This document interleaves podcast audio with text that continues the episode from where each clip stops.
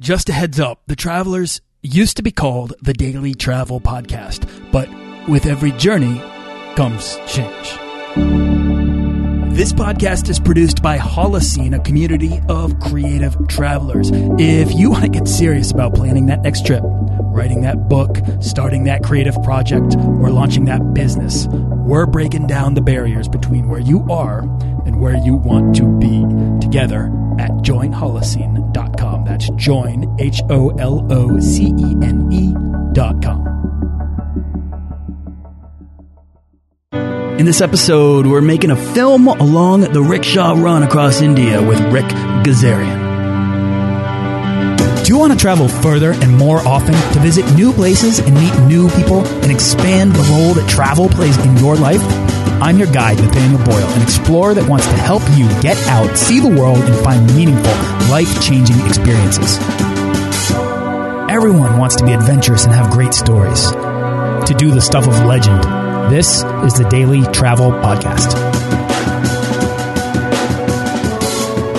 Fellow Boston native turned world traveler and humanitarian Rick Gazarian has visited 85 countries and counting across seven, all seven of the continents. He's documented his travels on his site, globalgaz, G-A-Z.com. Uh, but most recently, he's the author of the book and documentary film, Hit the Road India, a road rally and travel photo journal through the heart of India. So anyone who listens to this show regularly has heard stories from guests of the rickshaw run. Uh, it's a freelance adventure across India in nothing more than a small two-seater with no doors.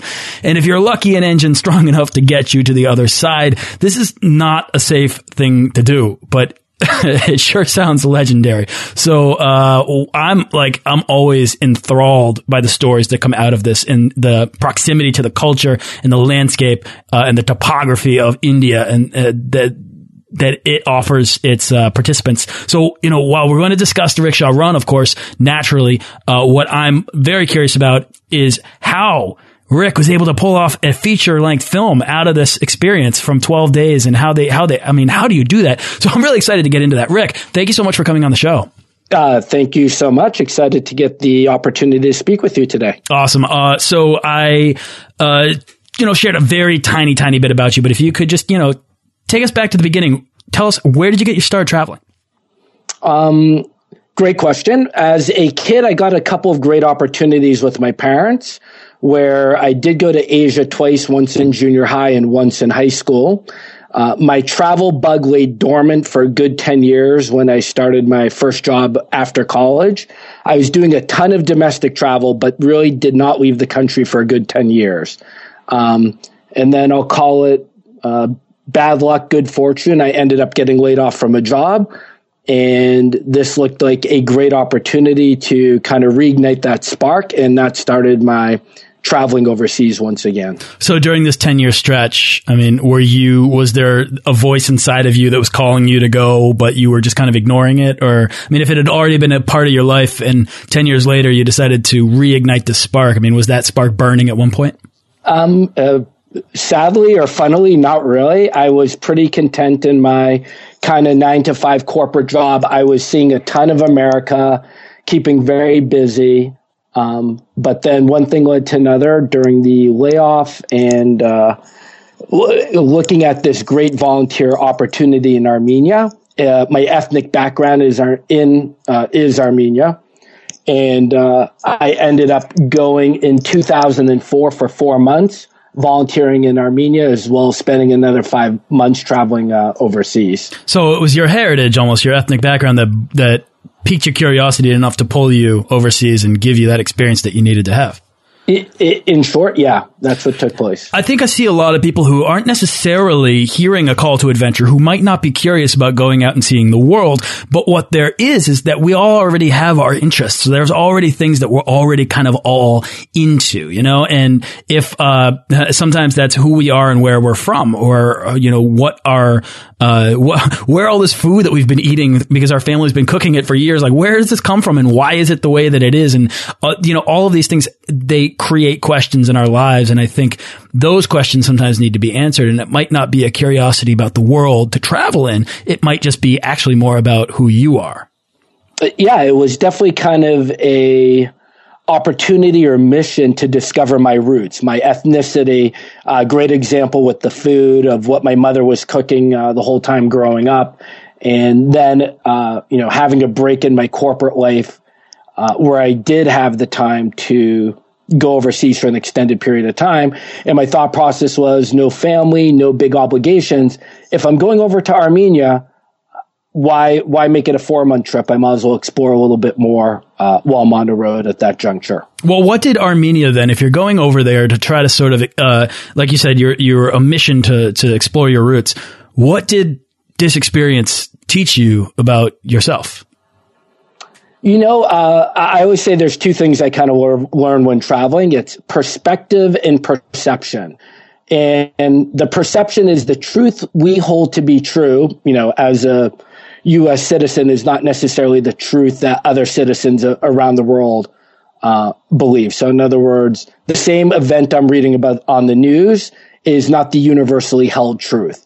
And traveling overseas, whether it was Armenia or somewhere else, that came to fruition. And the other thing I can think of um, is perception, what really matters in life. I can recall going to friends' houses in Armenia, people I met and became good friends with, and they would be middle class or upper class, and I would go to their homes. And compared to what myself and my peers have in the US, they did not have the same creature comforts that I had grown up with, but they were just as happy and fulfilled in life uh, with having less. So for you, you were kind of uh, did did that make you feel glad to be an American, glad to have roots in Armenia, uh, kind of glad, or maybe just glad to to have this suddenly global perspective of everything?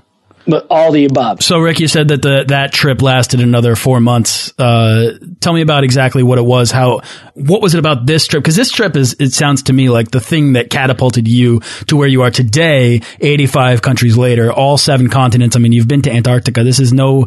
This trip had no small effect on you. Definitely, it was also a stutter step because I went right back into the corporate world after this trip until I made the complete break um, in 2008. The one thing of interest or note is I was volunteering in Armenia at an after school group. And after, at the after school group, the children were learning all sorts of different things, English, photography, journalism, and film.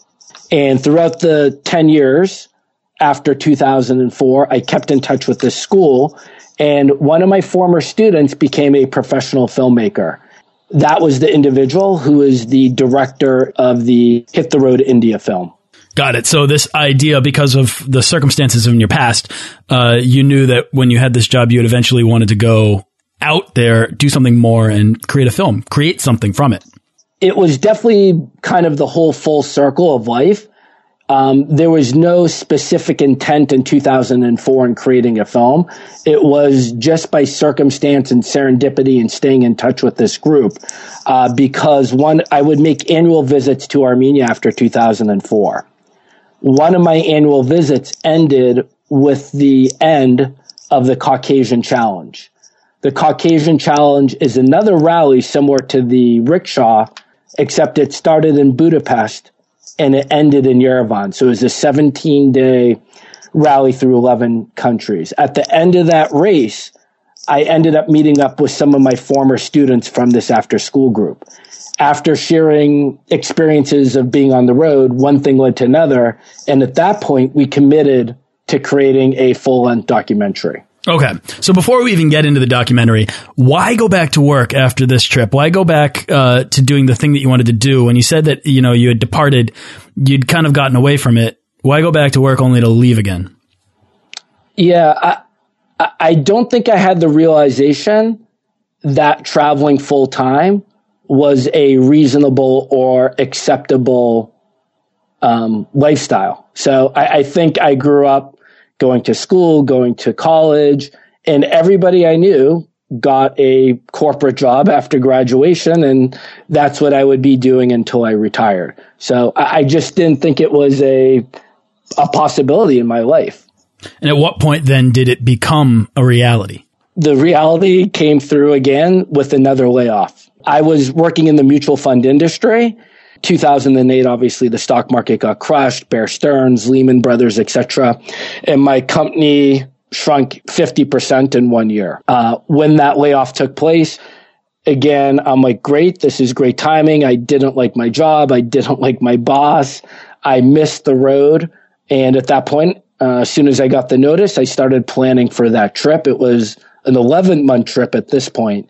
And during that trip, there was a realization I couldn't go back to that corporate world anymore. And I, I would have to figure out an alternative solution to my life and not going back to the nine to five job. Well, let me ask you then, what was it about the road? You said that you missed the road. What was it specifically that you missed? The process of discovery, the process of adventure, the ability to make friends, both other foreign travelers and natives of those countries, and just being able to behold magnificent things and structures created by man that you're just not going to see anywhere in the US.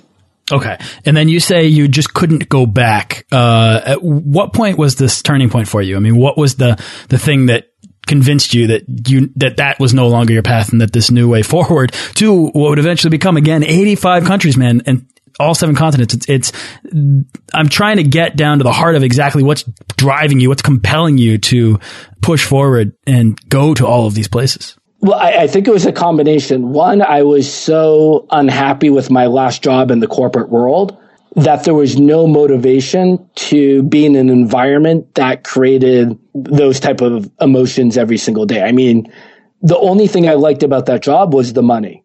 So every day I dreaded going to my office or I dreaded going on a business trip somewhere in the US and I hated conferring and speaking with my boss. It, it sent shivers down my spine. So in, in combination with my frustration of the corporate world and the simple love and passion of discovery and travel, it was kind of a sealed fate, I think, at that point that I, I wasn't going to go back. I like this. Okay. Had you started your, your travel blog at this point? No. Um, I, and I look back a thousand times in disappointment. I just started my blog this past summer. But you still, you've been out there, you've been experiencing it, you've been building up this background of experience, and that hasn't stopped you from creating things. I mean, from, from writing a book and covering your journey. Uh, I mean, you wrote two books, right? You wrote a book about the Caucasian Challenge, right? And then you wrote Exactly. I wrote two, I called them uh, photo journal books, um, where I journaled the adventure through uh, the written word and photos. One, the Rickshaw Challenge, and the other, the Caucasian Challenge. What compelled you to start writing and documenting your travels then, if you hadn't really considered the travel blog until just recently? Yeah. Yeah, uh, great question. So I, I, did when I did the Caucasian Challenge, Budapest to Yerevan. I was raising money for charity, uh, for three charities in Armenia. And during that time, I did start a blog. It was called um, 7,000 Kilometers to Go, which was just kind of a uh, website to explain the mission, the quest that we were doing. And during that time period, I was daily blogging or journaling the the uh, daily happenings of the Caucasian Challenge. So give or take 17 posts. Um, and at that time, I met a friend of mine who was publishing his own book. He explained to me the mechanics of how you were able to do so. So I was able to take all the content I created for the Caucasian Challenge and take that in conjunction with my photos and was able to craft the book out of this adventure. I love that. I mean, what I like about you, Rick, that I'm learning just through this conversation is that you seem to appoint yourself quests upon your trips. I mean, you have this sort of mission driven uh, approach towards travel. You might be going to Armenia to discover your roots, or you might be going to complete a challenge, or you might be going to raise funds for a charity. Uh, you're building these things into your travels so that you can better equip yourself to uh, ex experience more, learn more about yourself, and I would guess build a lifestyle around these adventures. agreed. Uh, I mean, travel in itself, no matter what you're doing during your travel, is incredible. It's amazing. It's an awesome experience. Uh, the one thing I, I kind of add on to that, or someone is coming to me for some thoughts or advice, is it's an incredible experience to go to Thailand for a month and sit on the beach read books, drink beer, have fun. but it's twice the experience if you build something in addition to that, i.e., volunteering during that time period. You're going to get 10x the value instead of just hanging out and lying on the beach. Yes. Oh, I think people in general, and, and this is just my belief, but people want to see the world and we want to express ourselves. And I think that if you put those things together, there's a lot of self awareness and transformation that can come out of that. And I think that that's true of everything that you're telling me from your experience. But Rick, let, let me know then exactly when did the rickshaw run come into the picture for you? As I sat at the end of the Caucasian Challenge in Yerevan, meeting with my former student. His name is Gore. During the 10 years I'd known him, he transitioned into a professional filmmaker. He was only 23 at that time. And I was sharing with him the adventure of the Caucasian Challenge. I then explained to him the whole subculture of these rallies, of these races that take place around the world. Whether you're talking about the Mongol Rally, the Rickshaw Challenge, uh, there's races in Peru. They're all over the world. They're all amazing. And one thing led to another, and we said, wow, this would be an amazing adventure to do one of these additional rallies. And let's create a documentary from this adventure. What were you hoping to get out of that? I mean, to, to create a documentary about it, obviously you want to tell a good story and, um, and maybe even help jumpstart a career in film. Was there anything else that you were seeking to explore by making a film of it? Yeah, in a perfect world or dream world, we're going to, well, we're actually, we're planning on filming our second film this summer in Central Asia. So our goal, our hope, our dream is to make a series of these films, hit the road India, hit the road Central Asia. Um, anybody who has the opportunity to do one of these rallies, it's incredible. Um, being able to do this rally and being able to create a, a film out of it made the experience that much more special and meaningful.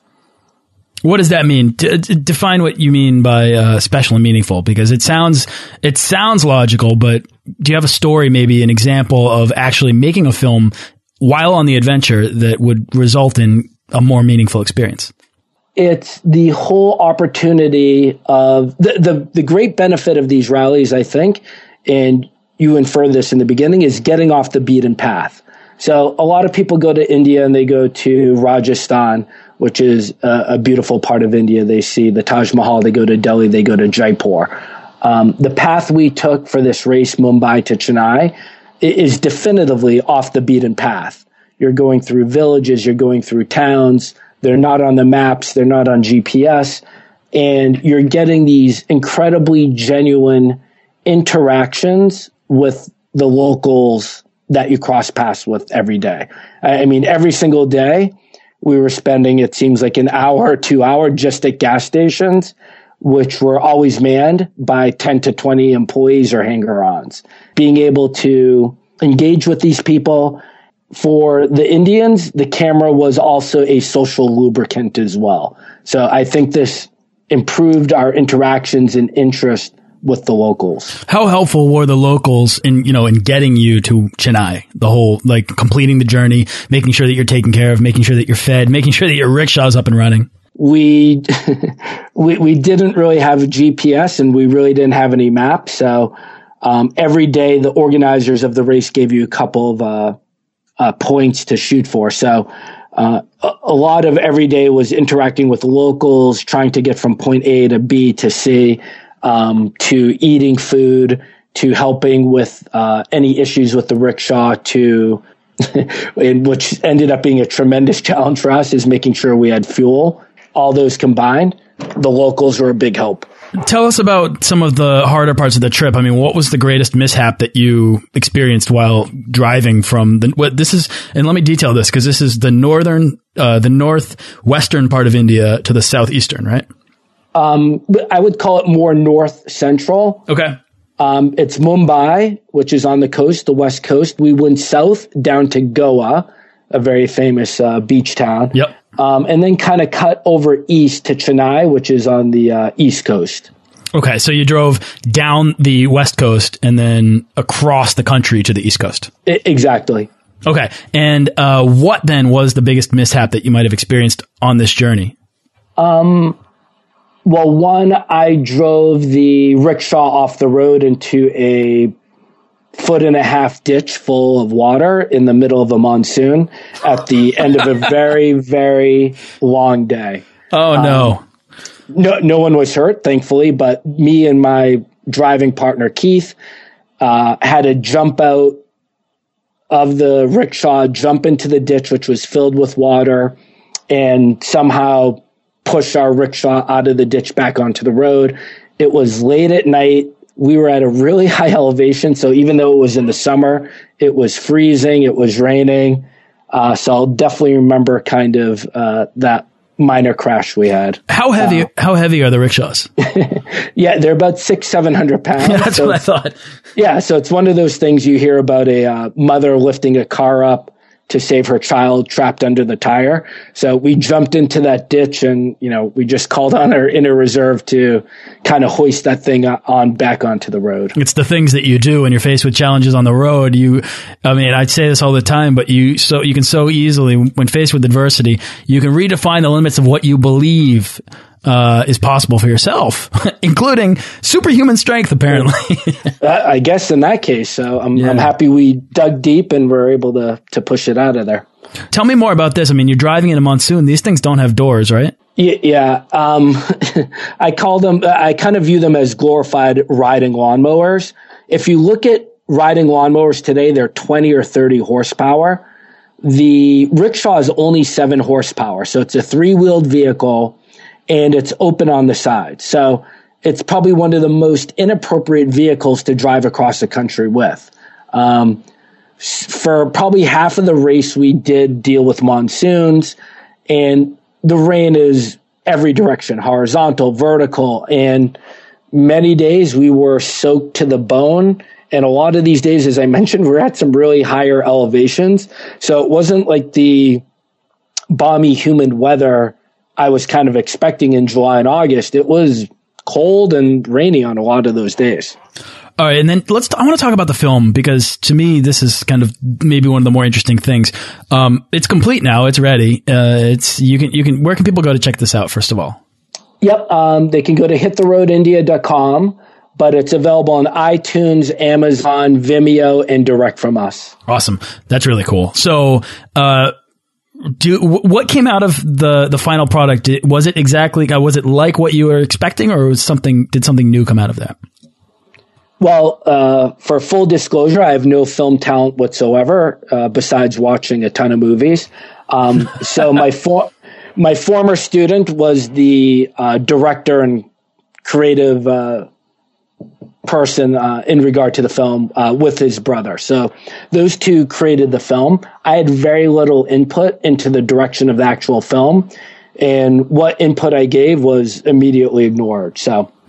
if if you like the film, I really can't take too much credit for it. So you were a host, but I I was kind of the producer. I I kind of put everything together financially, logistically, and made it come to fruition. And I was a participant in the film. Got it. And so, what has creating this film done for you uh, since it came out? What was it? It came out in 2000 and it, July of 2013. Okay, so it's been out for about a year and a half.